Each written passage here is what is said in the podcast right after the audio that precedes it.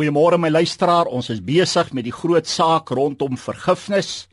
Nou Jesus Christus het sy hele lewe gegee. Ja, die grootste offer ooit gebring.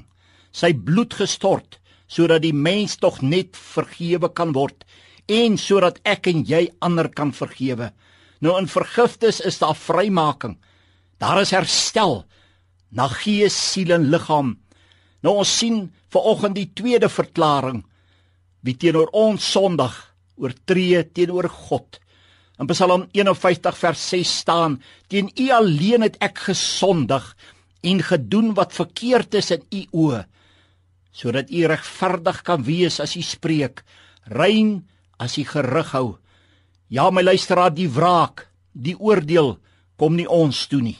Sagaria 4 vers 6 lees ons nie deur krag of deur geweld nie, maar deur my gees sê die Here van die leerskare. Ons kom dan by die derde verklaring.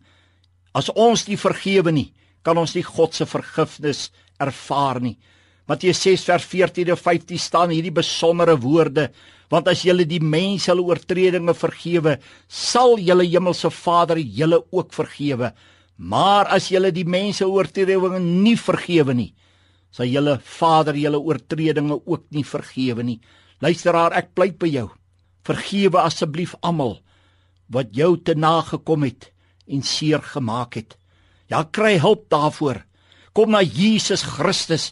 Hy sal jou help om dit te kan doen, want jy weet, hy weet wat is dit om te vergewe.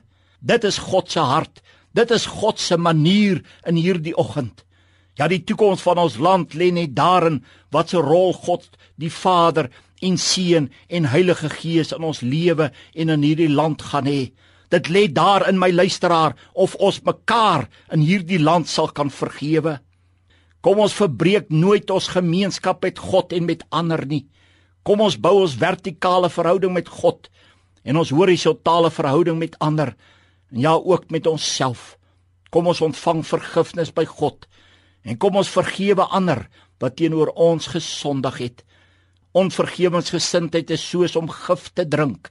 En ek dink die ander persoon sal daarvan doodgaan terwyl ek self van hierdie gif gaan omkom.